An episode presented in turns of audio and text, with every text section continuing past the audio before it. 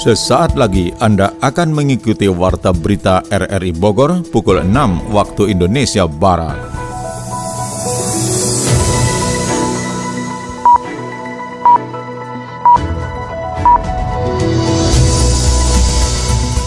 Selamat pagi. Saudara, kita kembali bersua lewat Warta Berita Senin 4 September 2023. Siaran ini juga dapat Anda dengarkan melalui audio streaming RRI Playgo dan dapat Anda dengarkan kembali lewat podcast kami di Spotify, Anchor, Podtail, dan Google Podcast. Berikut kami sampaikan berita utama. Gerakan Cerdas Memilih RRI diharapkan dapat membangun kesadaran pemilih pemula sekaligus mendongkrak angka partisipasi pemilih pada pemilu 2024. Nah, RRI sebagai lembaga penyiaran publik menyukseskannya dengan cara membangun awareness publik tentang agenda pemilu. Persatuan Bola Voli Seluruh Indonesia PBVSI Kabupaten Bogor memastikan timnya akan melakoni uji coba di Kota Bandung pada 7 dan 8 September mendatang.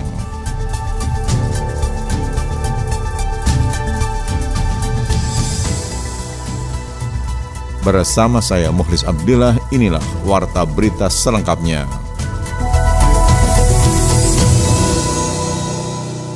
Saudara Gerakan Cerdas Memilih RRI diharapkan dapat membangun kesadaran pemilih pemula sekaligus mendongkrak angka partisipasi pemilih pada pemilu 2024. Selengkapnya dilaporkan Adi Fajar. Pesta Demokrasi Pemilu 2024 akan digelar pada 14 Februari 2024. Seluruh pihak memiliki kontribusi dan perannya masing-masing untuk menyukseskan pemilu di tahun depan agar berjalan dengan aman dan damai. Dalam kegiatan Gerakan Cerdas Memilih di RRI Bogor pada minggu kemarin, anggota Komisi 1 DPR RI Fadli Zon mengingatkan agar seluruh pihak terutama penyelenggara maupun peserta pemilu harus memberikan edukasi dan sosialisasi yang lebih masif kepada masyarakat terkait pemilu 2024. Sebab tidak sedikit masyarakat yang belum mengetahui mengetahui kapan pemilu dilaksanakan serta bagaimana mekanisme untuk memilihnya. Memang masyarakat harus diberitahu tentang bagaimana memilih gitu. Calon-calon pemimpin kita baik di eksekutif maupun legislatif karena ini kan temanya cerdas memilih. Harus ada kontrol dari masyarakat sendiri supaya jangan salah memilih gitu. Karena akibatnya panjang. Saya kira sebagian masyarakat tahu bahwa pemilu akan diselenggarakan 14 Februari. Karena diingatnya itu sebagai hari Valentine, hari kasih sayang. Jadi gampang aja ngingetnya hari kasih sayang, tapi juga harus kasih suara. Jadi menggunakan hak pilihnya, dan hak pilih ini kan menurut saya satu hak yang dijamin oleh undang-undang. Bahkan sebenarnya hak dipilih dan memilih. Jadi memilih dan juga dipilih. Betul. Ini harusnya memang dipermudah gitu. Sementara itu anggota Dewan Pengawas LPP RI Muhammad Kusna ini menjelaskan bahwa RRI sebagai lembaga penyiaran publik harus mengambil perannya dengan membangun kesadaran publik melalui sejumlah agenda kepemiluan seperti halnya kegiatan gerakan cerdas memilih yang sudah digelar sebanyak dua kali. Dengan begitu diharapkan masyarakat terutama para pemilih pemula bisa mendapatkan informasi yang valid terkait agenda pemilu 2024. Nah, RRI sebagai lembaga penyiaran publik menyukseskannya dengan cara membangun awareness publik tentang agenda pemilu. Makanya kami menyusun sejumlah agenda pemilu yang terkait dengan tahapan-tahapannya dari mulai saat ini yang kita sebut sebagai membangun awareness. Masyarakat harus aware dulu nih Betul. bahwa kita akan mengadakan pemilu. Kami Pak sudah mengadakan gerakan cerdas memilih ini dua kali Pak yang serentak di seluruh Indonesia. Jadi awareness tentang pemilu itu memang tugas kita untuk membangun kesadaran di kalangan masyarakat. Ini mungkin di kalangan adik-adik juga sebelum datang hari ini berapa persen yang tahu bahwa pemilu akan digelar tanggal 14 Februari tahun depan. Jadi tahun ini kami membangun awareness dulu. Masyarakat harus tahu bahwa kita akan pemilu. Pemilu yang ikut siapa? 18 partai. Yang dipilih apa aja dan seterusnya. Komisi Pemilihan Umum KPU Kota Bogor mencatat sebanyak 800.181 orang menjadi daftar pemilih tetap atau DPT pada pemilu 2024. Komisioner KPU Kota Bogor bidang teknis penyelenggaraan pemilu Dede Juhendi menyebut sekitar 10 persen yang merupakan pemilih pemula yang juga banyak didominasi oleh anak-anak milenial. Untuk itu yang meminta seluruh pihak dapat bekerja sama untuk mendorong para pemilih pemula dalam menyalurkan hak suaranya di TPS pada 14 Februari 2024 mendatang. Teman-teman yang masih uh, baru pemilih pemula nih di Kota Bogor, itu ada sebanyak 10 persen, 10 persen dari DPT kita yang ada 800.181, itu 10 persen, 10 persennya adalah pemilih pemula. Bagaimana caranya biar kita tahu? Itu bisa ngecek lewat cek DPT online. Kita masuk nggak? Nanti di situ masukin uh, nomor induk kependudukan kita, nomor KTP, Ya. masukin. Kalau sudah masuk, berarti sudah terdaftar sebagai pemilih. Program Gerakan Cerdas Memilih RRI Bogor tahun 2023 turut dihadiri oleh anggota Komisi 1 DPR RI Fadlizon, Dewan Pengawas LPP RRI Muhammad Kusnaini, Komisioner KPU Kota Bogor Dede Juhendi, Komisioner Bawaslu Kota Bogor Salman Alfarizi, Komisioner KPU Pusat serta ratusan peserta lainnya. Diharapkan gelaran GCM ini dapat memberikan edukasi yang baik bagi masyarakat serta dapat mendongkrak angka partisipasi pemilih. Sementara itu di tengah kemeriahan Jalan Sehat Gerakan Cerdas Memilih RRI Bogor, komunitas sepeda ontel menjadi perhatian peserta. Kita simak catatan Yofri Haryadi.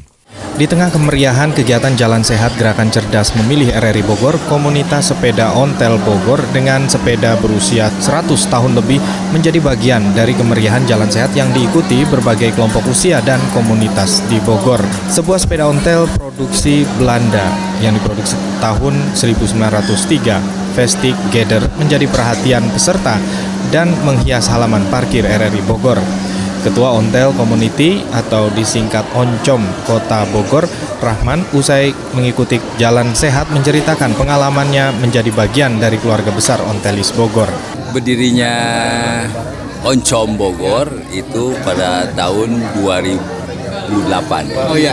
di Kota Bogor. Kebetulan pas 2008 itu ada pertemuan se-Indonesia bertempat di uh, Bakorwil Bogor. Jadi pertama Kosti di Bo- diadakan itu di Bogor. Jadi sejarahnya ontel itu ada di Bogor.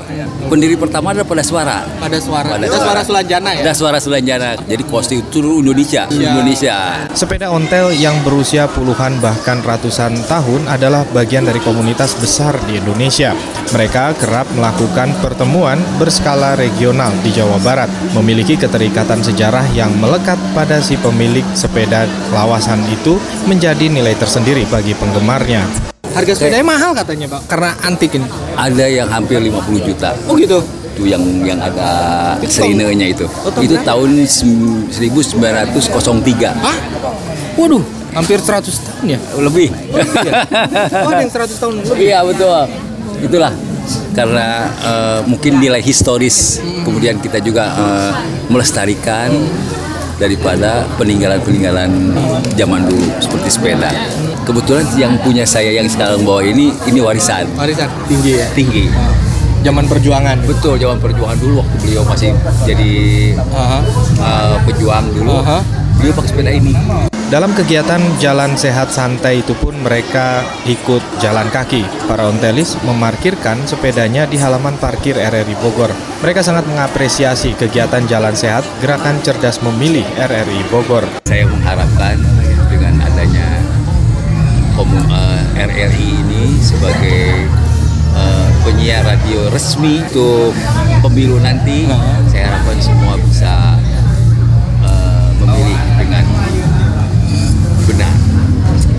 kita mendukung acara ini. Jalan sehat dilanjutkan dengan bincang seru pemilu bersama Komisi 1 DPR RI Fadlizon, Ketua Komisioner Bawaslu Kota Bogor, Komisi Penyiaran dengan direksi serta jajaran struktural LPPR RI diakhiri dengan hiburan dan pembagian door prize. Berdasarkan nota keuangan RAPBN 2024, Kemendikbudristek mengalami peningkatan anggaran sebesar 17,48 triliun menjadi 97,7 triliun rupiah. Kenaikan anggaran itu ditujukan untuk pemenuhan dua program prioritas nasional dan proyek mayor yang tercantum dalam rencana kerja pemerintah tahun 2024. Dua program prioritas nasional dalam RKP 2024 tersebut adalah meningkatkan SDM yang berkualitas dan berdaya saing melalui peningkatan pemerataan layanan, pendidikan berkualitas dan meningkatkan produktivitas. Kedua adalah revolusi kebudayaan, peningkatan kesejahteraan rakyat, serta meningkatkan budaya literasi, inovasi, dan kreativitas bagi terwujudnya masyarakat yang berpengetahuan.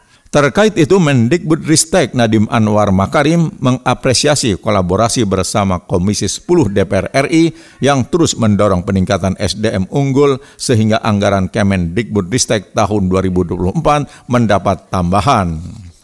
Selain dua program prioritas nasional pada tahun 2024, Kemendikbudristek juga melakukan perencanaan dana alokasi khusus DAK fisik bidang pendidikan sebesar 15,29 triliun yang digunakan untuk rehabilitasi, penambahan prasarana dan penyediaan sarana pendidikan untuk PAUD, SD, SMP, SMA, SMK, SLB dan SKB serta pembangunan SMA dan SLB.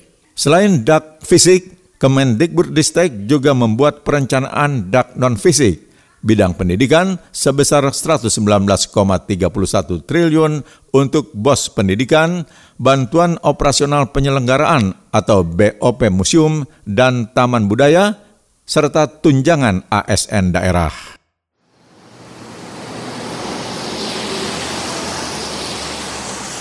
Wah, udah banyak spanduk caleg masuk musim pemilu nih. Iya, sepanjang jalan ke kantor, kanan kiri banyak spanduk. Kamu udah tahu mau pilih siapa? Belum tahu nih. Kayaknya aku pilih yang ngasih kaos aja ah. ya ampun, masa iya kamu pertaruhin masa depan negara cuman buat kaos gocengan doang? Terus aku harus pilih calon yang kayak gimana? Kamu tuh harus cari tahu program kerjanya kayak apa, rekam jejak calegnya, kemampuan komunikasinya juga, dan yang paling penting nih, attitude-nya. Malah kalau ada politik uang kita harus tolak. Iya ya, mulainya aja udah nggak baik. Nanti yang ada grogotin duit rakyat. Nah kan, itulah kenapa kita harus jadi pemilih cerdas. Rencana pembangunan tol puncak prosesnya sudah memasuki studi kelayakan dan segera dilelang badan usaha pengelolanya. Catatan selengkapnya disampaikan Yofri Haryadi. Menjadi partai politik pemenang di Kabupaten Bogor menjadi magnet tidak hanya basis massa dan kader parpol namun juga masyarakat umum. Dikumpulkan menjadi satu di Stadion Pakansari Cibinong, politisi dari Partai Gerindra berkumpul tidak hanya meneriakan pekik semangat dan kemenangan namun juga janji politiknya. Dibalut dengan hiburan, anggota Komisi 5 DPR RI Mulyadi misalnya mengungkapkan bagaimana solusi penanganan kemacetan di Puncak Bogor dengan rencana pembangunan tol Puncak yang akan membelah dari Caringin hingga Ciberem, Cisarua, Bogor. Saat ini prosesnya sudah memasuki stadi kelayakan dan segera dilelang badan usaha pengelolanya nanti. Dengan dibukanya jalan berbayar langsung ke jantung wisata di kawasan Puncak Bogor, dipastikan dapat mengurangi kemacetan menuju jalan utama Puncak di pintu keluar tol Gadok Megamendung. Oh tol Puncak kan memang lagi nih proses apa pras tadi kelayakan. Kalau badan usaha jalan tolnya, badan usaha jalan tolnya oleh kementerian akan di, ini, ditetapkan. Proses 2024-nya harus sudah mulai. Maksudnya pemenang proyek nasional ya uh, wilayah hanya memastikan misalnya tata ruangnya masuk dan seterusnya jadi memang harus ada koordinasi antara pusat dan daerah supaya memastikan proyek-proyek nasional juga terakomodir di daerah. Nah itu dampak itu akan teradaptasi sendiri saya kira. Oh, itu masuk dong. Itu kan kajian itu bukan saja aspek teknis tapi juga dampak sosial ekonominya. Bukan berarti kemudian ada tol ini mematikan. Pasti secara alami pasti ada solusi. Secara alami pasti menemukan solusi. Sementara itu, anggota Komisi 1 DPR RI, Fadlizon, juga berbicara soal koalisi Capres dan Cawapresnya, namun tidak secara detail menyebut nama yang akan mendampingi Prabowo Subianto sebagai Wakil Presiden pemilu 2024 nanti. Menurutnya, Gerindra menjadi jalan tengah di tengah pusaran dukungan dan koalisi yang kini diperbincangkan, termasuk alternatif pijakan dari Partai Demokrat jika keluar dari koalisinya. PSI, ada Partai Garuda, ada partai apalagi banyak lah. Yang non parlemen, yang di parlemen kan jelas uh, PAN dan uh, Golkar. Ya, ini dua partai yang ada di parlemen. Jadi kita lihat nanti uh, proses dan dinamikanya akan seperti apa. Saya yakin momentum Pak Prabowo itu tetap terjaga. Gitu. Itu tadi karena Pak Prabowo ini jalan tengah. Sekarang ini solusinya adalah bagaimana kita merangkul dan uh, berkawan semuanya bagian dari mitra berdemokrasi bukan musuh politik gitu. Dua nama besar pimpinan partai politik Prabowo Subianto dan Susilo Bambang Yudhoyono merupakan warga Kabupaten Bogor yang berebut basis masa dan suara pada pemilu nanti di Bumi Tegar Beriman Kabupaten Bogor dengan daftar pemilih terbesar di Indonesia untuk tingkat kabupaten.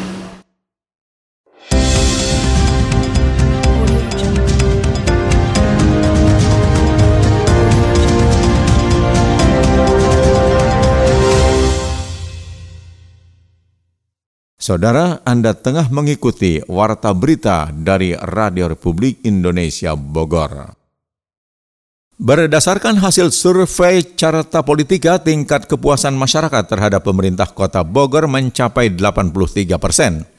Angka tersebut menjadi penyemangat bagi pemerintah kota Bogor untuk terus bekerja memberikan yang terbaik kepada masyarakat pada kegiatan Ngopini yang digelar Bogor Inisiatif Bersama Indonesia dan Gagas Masa BEM KMIPB 2023 di Auditorium Perpustakaan dan Galeri Kota Bogor Sabtu akhir pekan kemarin, Wakil Wali Kota Bogor Dedi Rahim menyebut beberapa komponen yang menjadi komponen penilaian sehingga kepuasan masyarakat tinggi. Sejumlah komponen penilaian itu antara lain konsistensi dari pemerintah Kota Bogor untuk memberikan kontribusi terbaik bagi masyarakat. Sementara itu, co-founder Bogor Inisiatif Aisyah Hashim mengatakan program Ngopini sudah digelar sejak 2019 dan sempat terhenti karena pandemi COVID-19. Lewat kegiatan tersebut, pihaknya memfasilitasi pemuda dan masyarakat umum di Kota Bogor untuk menyampaikan aspirasi kepada Pemkot Bogor dan DPRD setempat. Dari pemaparan Wakil Wali Kota Bogor itu, pihaknya ujar Aisyah menyimpulkan pembangunan Kota Bogor sudah berjalan cukup baik. Namun tetap masih ada pekerjaan rumah atau PR jangka panjang dari beberapa isu yang menurutnya masih menjadi PR bersama, yakni terkait transportasi, kemiskinan, dan pengangguran. Menteri Investasi Kepala BKPM Bahlil Lahadalia mendorong agar investasi di negara-negara ASEAN tidak mengabaikan para pengusaha lokal. Itulah antara lain informasi ekonomi yang selengkapnya disampaikan Adi Fajar. Menteri Investasi Bahlil Lahadalia menyoroti pentingnya investasi demi mewujudkan pembangunan yang berkelanjutan. Karena itu, ia mendorong agar investasi di negara-negara ASEAN tidak mengabaikan para pengusaha lokal. Bahlil mengatakan ASEAN Investment Forum memiliki peran sebagai sentra pertumbuhan ekonomi global dengan pembangunan yang inklusif, kuat, dan berkelanjutan. Untuk mendorong pembangunan yang inklusif, Bahlil menyarankan agar investasi di ASEAN harus diarahkan untuk bermitra dengan pelaku UMKM lokal sebagai penyumbang terbesar sebagai penyumbang terbesar PDB di kawasan. Yang menekankan pengusaha daerah tidak boleh hanya menjadi penonton, melainkan harus dilibatkan dalam upaya meningkatkan dan memperkuat pertumbuhan investasi. Sementara itu, Ketua ASEAN Business Advisory Council, Arsjat Rasjid, mengibaratkan perdagangan dan investasi sebagai jantung dari keseluruhan kegiatan operasional di ASEAN. Menurutnya, kedua hal tersebut juga menjadi bagian krusial yang tidak terpisahkan dalam perjalanan mencapai tujuan pembangunan kawasan. Karena itu, Arsjat mendorong pengoptimalan investasi interregional untuk memperkuat resiliensi resiliensi kawasan terhadap situasi geopolitik dan ekonomi global di masa mendatang sebab menurutnya pembangunan ASEAN tidak bisa hanya bergantung pada investasi dari luar saja. Eksekutif Sekretari Economic and Social Commission for Asia and the Pacific Armida Salsiah mengungkapkan investasi asing langsung atau FDI ke negara-negara ASEAN mencapai 224 miliar US dollar atau sekitar 3.414 triliun rupiah pada tahun 2022. Menurut Armida, investasi di ASEAN meningkat karena wilayah ini menjadi kawasan yang menarik bagi investor. Apalagi selama pandemi, ASEAN telah menunjukkan ketahanannya dalam menghadapi berbagai tantangan. Ia menambahkan saat ini hampir semua negara maju mengalami penurunan investasi, kawasan ASEAN malah berjaya. Meski demikian, Armina mengingatkan negara-negara ASEAN untuk tetap waspada. Ia mengatakan tantangan menarik investasi ke depan masih tetap ada di tengah ketidakpastian global. Armida juga mengatakan dalam kaitannya dengan pembangunan berkelanjutan, kualitas investasi di kawasan harus ditingkatkan. Lebih lanjut, ia mengatakan untuk meningkatkan investasi yang terkait dengan SDGs, negara ASEAN perlu membangun badan promosi. Lembaga ini nantinya bertugas untuk menargetkan dan mempromosikan peluang-peluang investasi kepada investor yang tepat. Berita olahraga, Persatuan Bola Voli Seluruh Indonesia PBVSI Kabupaten Bogor memastikan timnya akan melakoni uji coba di kota Bandung pada 7 dan 8 September mendatang. Itulah antara lain informasi olahraga yang selengkapnya disampaikan Ermelinda. Cristiano Ronaldo mempertajam rekor gol gila miliknya di level profesional usai mencetak gol ke-850 saat Al Nassr bantai Al Hazam 5-1 pada hari Sabtu waktu setempat. Ronaldo kembali tampil fantastis bersama dengan Al Nassr pada lanjutan Liga Arab Saudi. Torehan satu gol dan dua asis lagi-lagi membuktikan bahwa magis sang mega bintang belum habis. Superstar Portugal itu mencatatkan namanya di papan skor dengan penyelesaian luar biasa. Umpan pendek dari Abdul Rahman di kotak penalti disambar tembakan terukur ke pojok atas. Tambahan satu gol menjadikan Ronaldo sebagai pemain pertama yang mencapai tonggak sejarah tersebut. Hingga saat ini ia masih memegang rekor sebagai top skor sepanjang masa. Saat ini Ronaldo telah mengemas 6 gol dalam 4 penampilannya di Liga Arab Saudi musim ini. Ia berambisi mengantar Al Nassr menjadi juara liga setelah musim lalu, finish tanpa gelar. Dari 850 gol yang tercipta, Ronaldo paling banyak mencetak gol saat membela Real Madrid. CR7 tercatat mengemas 450 gol ketika berseragam Los Blancos. Kemudian Ronaldo menyumbang 145 gol di Manchester United, 100 gol untuk Juventus, 5 gol bersama dengan Sporting Lisbon, 26 gol bagi Al Nassr dan 123 gol di timnas Portugal. Ketua Umum Persatuan Bola Voli Seluruh Indonesia PBVSI Kabupaten Bogor Dede Chandra Sasmita memastikan tim bola voli putri dan putri binaannya akan melakoni laga uji coba dengan beberapa klub bola voli yang ada di kota Bandung pada tanggal 7 hingga 8 September 2023 ini. Laga uji coba dengan beberapa klub voli di kota Bandung menurut Dede merupakan satu keharusan. Karena menurut Dede Chandra, laga uji tersebut bertujuan untuk mengetahui kekuatan tim voli putra dan putri Kabupaten Bogor serta ingin melihat peta kekuatan dari lawan. Apalagi menurut Dede para pemain yang saat ini ada merupakan atlet yang akan dipersiapkan untuk membela Kabupaten Bogor pada pelaksanaan Pekan Olahraga Daerah Porda Jawa Barat di tahun 2026 yang dilaksanakan di Kota Bogor. Lebih lanjut Dede menjelaskan bahwa Porda 2026 mendatang merupakan Porda yang sangat ketat dalam perebutan medali emas. Maka dari itu kesiapan mental dan bertanding para atlet harus sudah dipersiap harus sudah dipersiapkan dari sekarang melalui laga uji coba ataupun tampil di event-event resmi. Karena dengan banyaknya saatnya mereka bertanding sudah pasti jam terbang dan pengalaman tentunya akan bertambah.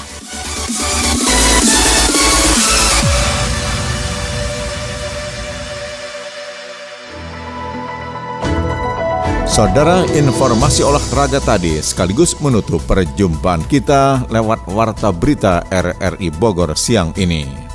Sekali lagi kami sampaikan berita utama. Gerakan Cerdas Memilih RRI diharapkan dapat membangun kesadaran pemilih pemula sekaligus mendongkrak angka partisipasi pemilih pada pemilu 2024. Persatuan Bola Voli Seluruh Indonesia PBVSI Kabupaten Bogor memastikan timnya akan melakoni uji coba di Kota Bandung pada 7 dan 8 September mendatang. Siaran ini dapat Anda dengarkan kembali melalui podcast kami di Spotify, Anchor, Podtail, dan Google Podcast. Saya Muhlis Abdillah merangkap Des Editor bersama penata teknik Jerry Aditya mengucapkan terima kasih atas kebersamaan Anda. Selamat pagi.